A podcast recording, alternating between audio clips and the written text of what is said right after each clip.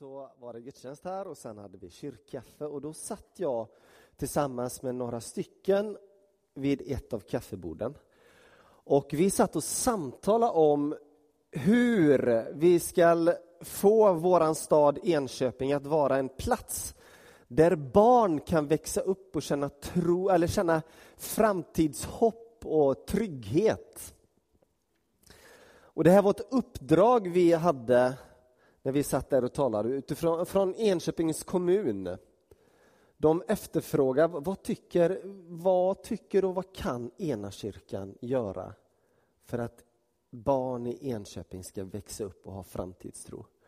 Och Det är lite härligt att, att uh, vår församling tillfrågas om detta.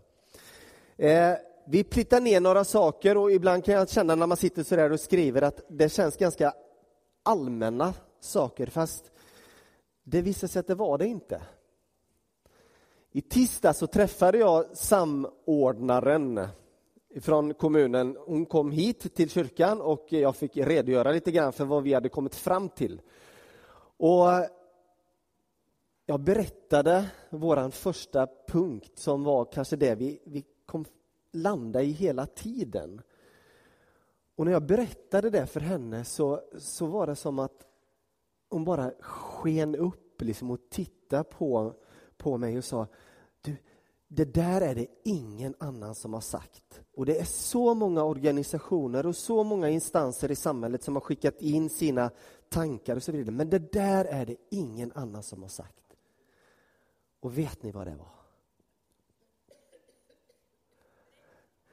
Våran första punkt, det var vi tror att det är superviktigt att barnen känner trygghet och får ta emot kärlek. Och hon bara, det där var bra. Och ingen annan som kom på det.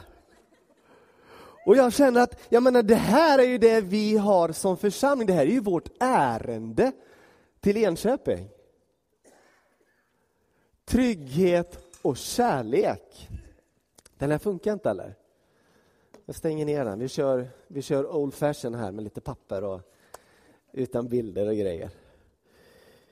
Eh, Gud är ju kärlek, eller hur? Jag menar, aposteln Johannes han viker ju inte en tum ifrån detta. När han säger att Gud inte bara har kärlek eller ger kärlek, utan han är det till sin person. Det, det, är, hans, det är hans väsen. Han är kärlek.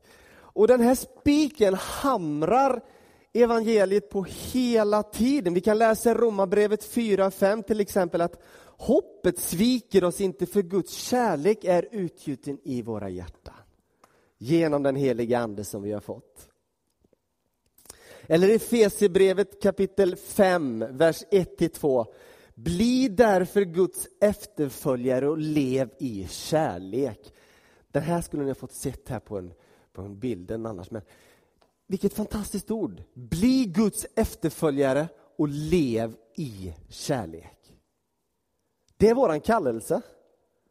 För den här världens skull, bli som Gud och lev i kärlek. Där har vi den, det ordet. Ytterligare ett ord. Känner ni till det här? Kan vi läsa det tillsammans? Vi tar det på svenska. Så älskade Gud världen att han utgav sin enfödde son för att var och en som tror på honom inte ska gå förlorad utan ha evigt liv. Det räcker nästan så.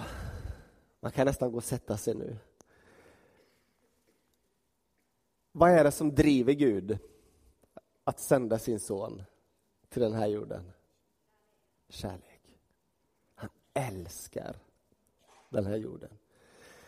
Kärleken är drivkraften. Kärleken kan... Det är bara kärleken som kan få vara vår verkliga drivkraft också, tänker jag mig. Jag älskar det här stället i Johannes evangelium. Ni vet när den uppståndne Kristus och jag föreställer mig att han kommer fram till sina lärjungar och han nästan böjer sina knän och så de sitter ner och så andas han på dem och så säger han ta emot helig ande.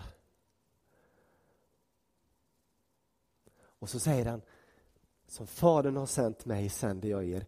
Det är nästan som om man spolas tillbaka till, upps, till eh, skapelsens morgon när Gud själv andas in i den här lerklumpen han har format.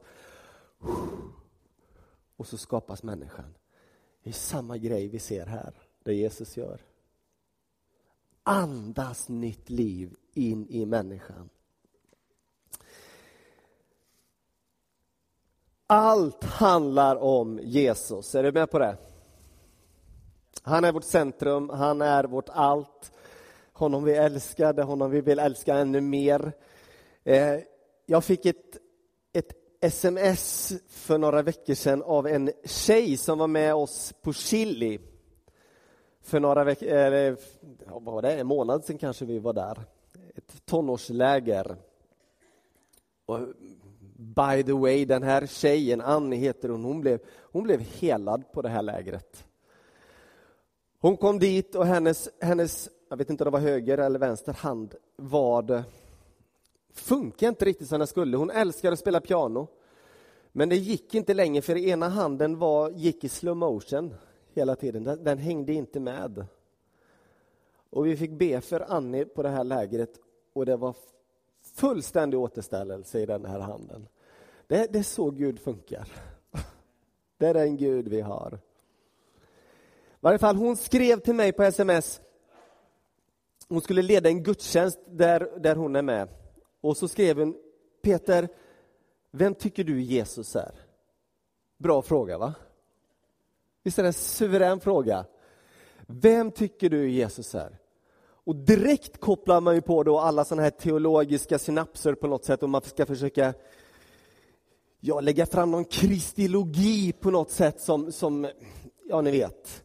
Men så var det som den heliga Ande bara fick mig att växla spår och jag, så jag skrev, ja Jesus är den jag lutar mig mest på mest hela tiden. Jesus är den som jag som ser mig i ögonen och säger jag älskar dig genom allt. Jesus är, för mig är Jesus han som tar mig i handen och säger kom igen Peter, det här fixar vi tillsammans. Det är Jesus. Och hon tackade så jättemycket för de här orden och eh, det gick riktigt bra på den här gudstjänsten sen också. Men idag tänkte jag att vi inte ska tala så mycket om Jesus, men en annan person i Bibeln, i Bibelns berättelser. En man som heter David. Han var Israels andre kung. Kung David i Gamla testamentet. I första och andra Samuelsboken så står det väldigt, väldigt, väldigt mycket om David. Och han har skrivit väldigt, väldigt, väldigt många av de salmer vi har i Saltaren i Bibeln. David, han var en man efter Guds hjärta. Det står så i Bibeln. En man efter Guds hjärta. Är Gud full av kärlek? Är hans hjärta fullt av kärlek? Vilket vi redan har konstaterat. Så om David är en man efter Guds hjärta så måste han på något sätt förmänskliga den kärleken. Så tänker jag mig i varje fall. Om han är en man efter Guds hjärta. Ingen annan har fått det epitetet i Bibeln. Abraham, trons fader, i och för sig, men inte en man efter Guds hjärta. Det står inte någonstans. Inte om Josef heller, inte om Mose. Paulus, han fick epitetet apostel, men inte en man efter Guds hjärta. Johannes, den lärjunge Jesus älskade, men inte en man efter Guds hjärta. Det är bara David som har det epitetet i Bibeln. En man efter Guds hjärta. Men ärligt talat, när du läser första och andra Samuelsboken så kan man ju undra vad det var Gud fastnade för. Jag menar man, killen, han, han snavar ju lika mycket som han stod upp. Han trillade ju dit hela tiden och ibland så gjorde han lite bra saker. Han, han tog sikte på Goliat och blev en jättedödare, vilket vi kommer komma tillbaka till så småningom. Men han tittade också på Batseba, som vi också kommer komma tillbaka till snart. Åkte dit så det smällde om det. En man efter Guds hjärta. Han eh, stod upp mot bespottarna där i dalen där Goliat stod med filistenas armé och alltihopa. Han stod upp emot dem, men några dagar eller några år senare så rider han omkring med det här gangstergänget. Han förenar sig med dem. En man efter Guds hjärta. Han är mild och timid och sitter och spelar harpa för, för Saul och får honom att lugna sig och det blir bra och lugnt och fint och skönt. Och så i nästa andetag så har han förenat sig med en maffiarörelse som plundrar och drar runt. En man efter Guds hjärta. Det är någonstans man inte riktigt får ihop det. Han kunde leda en hel armé, David, men han kunde inte leda sin familj. Hans egen son försökte avsätta honom och till och med döda honom. Han ljuger och han ljuger och han ljuger. Och han hade åtta fruar, alldeles för många. Eller vad tycker du? Men det är ingenting i jämförelse med killen han föder så småningom. Han hade hundra gånger fler, typ 800 fruar. Det är svettigt. Det är svettigt. Ärligt talat, Davids liv har inte så mycket att erbjuda ett obefläckat helgon. Kan du hålla med om det? Hederliga själar har en förmåga, tror jag, att bli ganska besvikna när man läser Davids historia. Ändå är det så uppmuntrande, känner jag. För det finns hopp för en gammal pastor i ena kyrkan. Om det fanns hopp för David. Och där är vi allihopa. Där är vi allihopa. En sak är säker. Det här är ett påstående. Då David satte fokus på Gud så föll jättarna, eller åtminstone jätten. De dagar då jättarna var i fokus, då föll David. Jag skulle utmana dig med att läsa första och andra Samuelsboken utifrån det här påståendet, det här, den här teorin och se hur märkbart detta stämmer gång på gång på gång.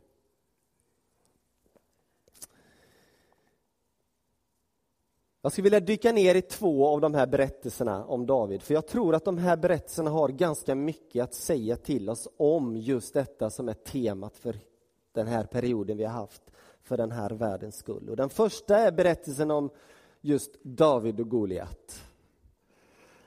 En gallup, hur många har hört den förut? Hur många har hört en predikan om den? Några stycken? Ja. Eh, kanske den mest kända berättelsen om David. Även om ni kan den så vill jag att ni någonstans visualiserar detta framför er på den här kullen här borta. Där är filisteernas armé samlade och framför de här, den här armén så står en enorm tatuerad människa vid namn Goliat. Tre meter lång. En dal och på andra berget upp här, där står Israels armé. 40 dagar har varit samma scenario Hela, hela, hela, hela tiden. Varje morgon, varje kväll så kommer den här store Goliat fram och han säger, är det någon som vågar komma och utmana mig på en strid?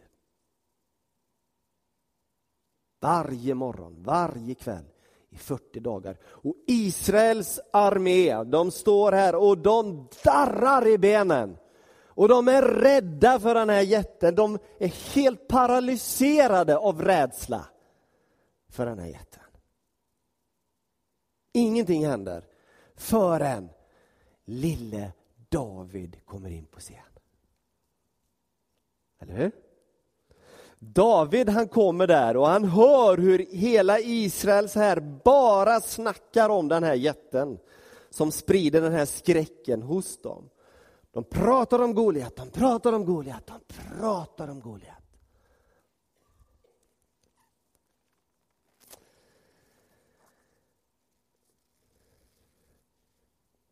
När David kommer så sker det ett skifte. När du läser i kapitel 17 så det står där om, om David och Goliat, så kan du se att David, han såg den här jätten. Men det är inte jätten som är i fokus för David. Han talar om Goliat vid två tillfällen när du läser detta kapitel. Men han talar om Gud vid nio tillfällen. Alltså ungefär fyra gånger mer. Tänker, talar Gud, eller David om Gud än om jätten.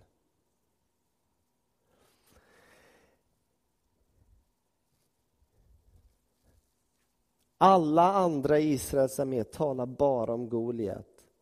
David kommer dit han talar väldigt lite om Goliat, men väldigt mycket om Gud. Vad Gud kan göra. Hur vågar han härda Herren Sebaot? Hur vågar han? Du vet, han talar om Gud om och om igen. Och jag tänker ibland så här att du och jag, vi kanske inte möter en Goliat som står där med draget svärd och spjut. Men vi träffar på de här jättarna i våra liv som gör oss fullständigt paralyserade. Som gör oss fullständigt stillasittande och vi kommer ingenstans. Det kanske inte är den där jätten med draget svärd och spjut, men det kanske är den där obetalda räkningen som du inte har en möjlighet att få iväg den här månaden. Som är din Goliat. Eller det kanske är det där äktenskapet som knakar så fruktansvärt mycket som gör att du kan inte tänka på någonting annat. Eller det kanske är arbetslösheten som är den här stora jätten i ditt liv. Eller det kanske är att du inte känner dig hemma, du passar inte in, du har ingen gemenskap. Du är så utanför.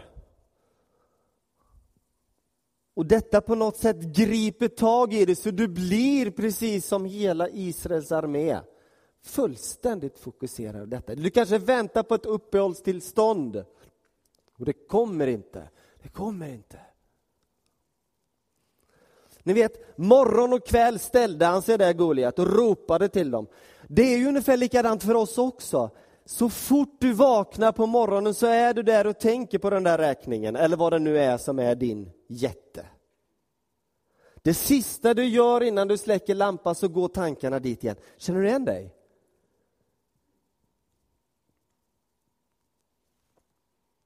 Är vår mentala mapp fyra gånger tjockare vad det gäller Guds godhet och Guds möjlighet än de där jättarna? Förstår ni tanken? Vi utmanas till det i Samuelsboken. Och någonstans här så känner jag att detta har med för denna världens skull att göra, för det är så lätt att vi i vår blick på dessa jättar blir väldigt inåtkrökta. Jätteinåtkrökta. Istället för att se det Gud faktiskt kan göra. Fokusera på jättar och du faller. Fokusera på Gud och jättarna faller.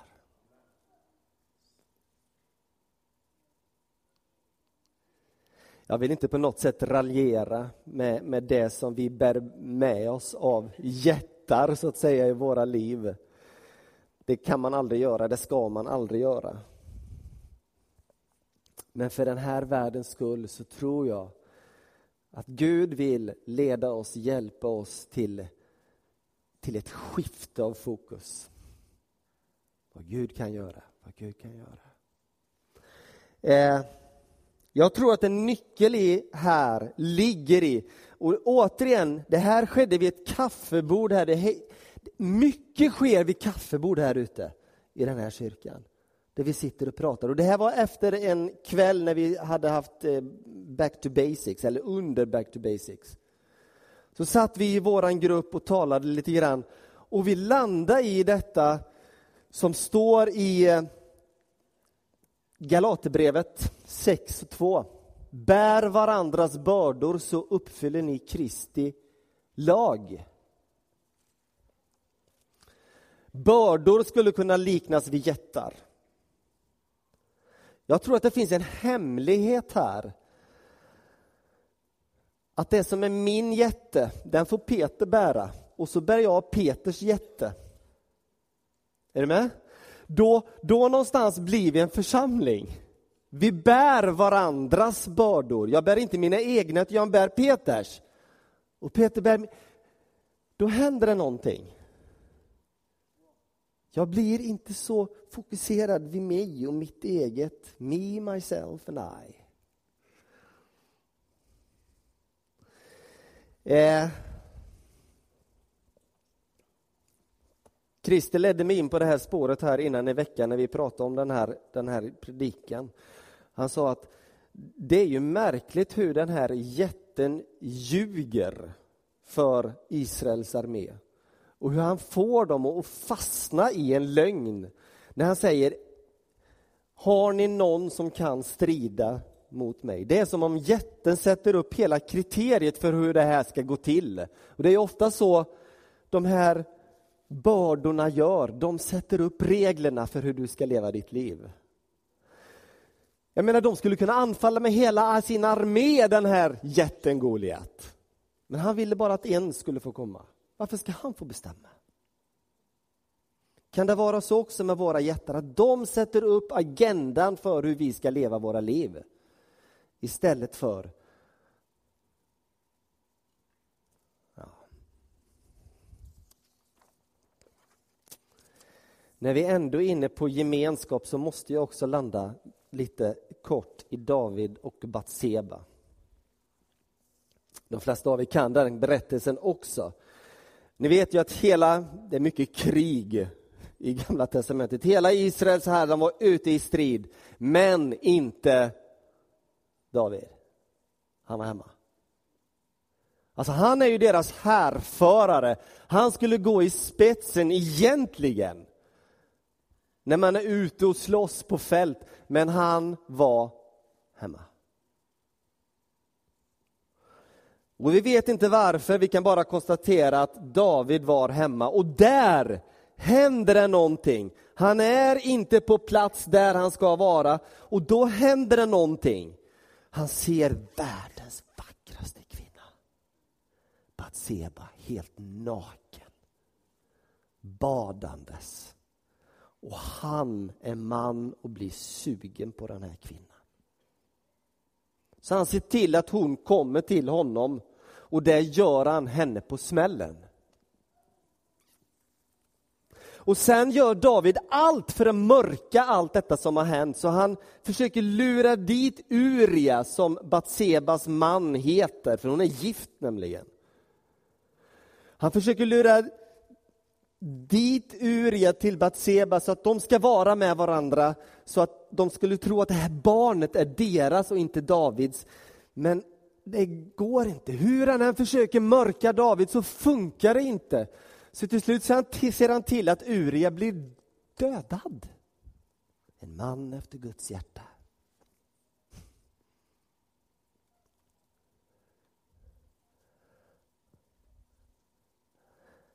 Det händer grejer som, som skevar iväg när vi inte är på plats, tänker jag. Och jag tror att det ligger en utmaning till oss i den här berättelsen. Att vara med i församlingen. Det här är våran plats. Att vara med här, vara med i bönerna, vara med på gudstjänsterna. Att komma ifrån det här som vi ibland har talat om, du vet, är what's in it for me. Komma ifrån det för att det är för den här världens skull vi är här. Och jag skulle vilja koppla ihop det här med Apostlagärningarna 3, ni vet, där den första pingsten, då står det så här att alla var närvarande, då föll den helige Ande. Alla var närvarande. Alla var där. Jag tror det finns en hemlighet här. De var där. Då föll den helige Ande. Var det för världens skull? Ge det på att det var för världens skull. För 3000 pers fick höra sitt eget språk talas genom de som hade fått ta emot den helige Ande. Det var för världens skull. Alla var där för världens skull.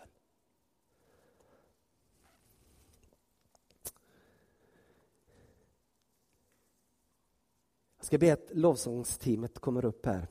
Jag vill bara säga det där också. Batseba. Det kom ju faktiskt någonting gott ur det här misstaget. Om det är snålt att kalla det för misstag. Det är förödande handlingen som, som David gjorde. Vi vet ju att det barn som föddes av Batseba och David hette Salomo. En fantastisk kung till att börja med i alla fall. Och vi vet när vi drar linan ut längre och längre och längre, du kan börja spela lite. När vi drar linan ut längre och längre och längre så vet vi att i den stamtavlan så föds Jesus Kristus. Men det börjar med ett misstag. David och Batseba. Eller börja, men det finns med i ledet så att säga. Vilken fantastisk Gud vi har. Som kan ta våra misstag och göra någonting helt fantastiskt av det. Ta våra snedsteg och klavertramp och göra något helt fantastiskt av det. Vet ni, det står bara vid ett tillfälle att David dansade. Vet ni det där var? Det var när han skulle förföra arken in till Jerusalem. Guds närvaro skulle in i staden. Och han dansade, vet ni, han, ah, han dansade. För han var så lycklig över att Guds närvaro kommer till den här staden. Han brydde sig inte om vad folk tänkte. Hans hustru var på honom, ofta så kommer det ifrån de allra närmaste, men kom igen nu, lägg locket på, lägg lite lågt här. Han brydde sig inte. Jag är så full av det här, Guds närvaro. Vet ni, jag tror att vi kan dansa in i Enköping, för Enköpings skull. För vi kommer faktiskt med Guds närvaro. Det hänger inte på din förträfflighet. Det hänger inte på att du är så perfekt. Kolla på David. Kolla på David. Det hänger på med vad det är du kommer med och du kommer med Guds närvaro. För Guds ande bor i dig och vi kan dansa in i den här staden för den här världens skull.